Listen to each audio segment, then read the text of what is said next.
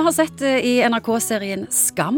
Even som er bipolar, han er høyt oppe og langt nede, og vi lærer litt. Men ikke alt. Psykolog Egon Hagen, hva vil det si å være og leve som bipolar? Hvordan gir det seg utslag? Det, det er på en måte en, en samlebetegnelse på psykisk trøbbel som kjennetegner av variasjoner i både oppførsel og hvordan du har det, altså humøret ditt. Så bipolar det er bare en sekkebetegnelse, det? Det er en sekkebetegnelse, så er det ulike varianter inni dette. Og vi kunne selvfølgelig snakket en hel dag om dette, så vi må prøve liksom å få sagt noe av det som er essensen. Ok, Hvordan kan vi koke det ned? Jeg koke ned, Det er to typer, én og to.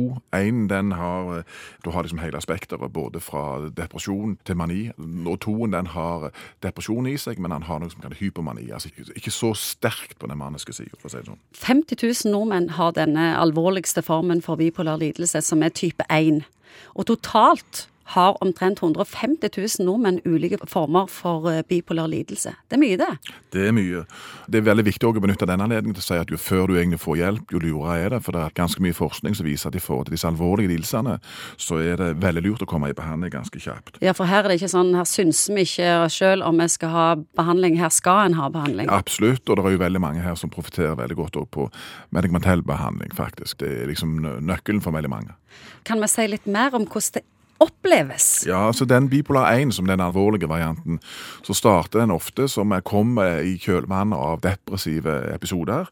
Og da har du ofte en periode hvor du egentlig kan bare merke at du sover lite, du er litt på høyt gir, du kan være litt oppstemte, føle deg litt kreative. Dette er egentlig helt OK. Og så gradvis går dette over til det vi kaller en full mani. Hvordan ser den ut? Den ser sånn at du oppfører deg annerledes enn det du normalt sett gjør. Du kan ha utagerende seksualitet, du kan bruke penger som du ikke har, du kan eh, oppføre deg hyperaktiv, og så skjønner du sjøl ikke at dette er egentlig ganske unormalt. Det var en som sa til meg en gang at når jeg skjønte det når jeg sto klokka halv fire om natta og vasket kjøkkenskaper, da skjønte jeg at uh, her er det et eller annet på gang likevel. Men hvordan oppfører vi oss? Hvordan tilnærmer vi oss mennesker som lever i dette? Det kan være lurt å være åpen med de nærmeste, venner og kollegaer som du stoler på, sånn at de på en måte er klar over at du har denne Du trenger å bli tatt hensyn til noen ganger. Og så går det òg an å lage seg nærmest en sånn en, en, beredskapsplan på hva type råd, innspill, vil du synes vil være OK for deg i den situasjonen du er i. Hva er det som gjør at bipolare av og til kutter medisinene? Jeg tror nok at det er en modningsgreie i forhold til å ta inn over seg at du har en alvorlig lidelse, og mange vil kanskje være litt sånn ja, men nå er det sikkert gått over. Eller du tenker du har lyst til å bli gravid, og mange unge jenter vet at du kan ikke bli gravid på noen av disse medisinene, og så slutter du av den grunn. Noe av det aller viktigste i forhold til denne, denne, lidelsen er erkjennelsen av at du har en alvorlig lidelse, og at du på en måte må bruke alt det du har egentlig av kreativitet og forstand på hvordan skal jeg leve med dette.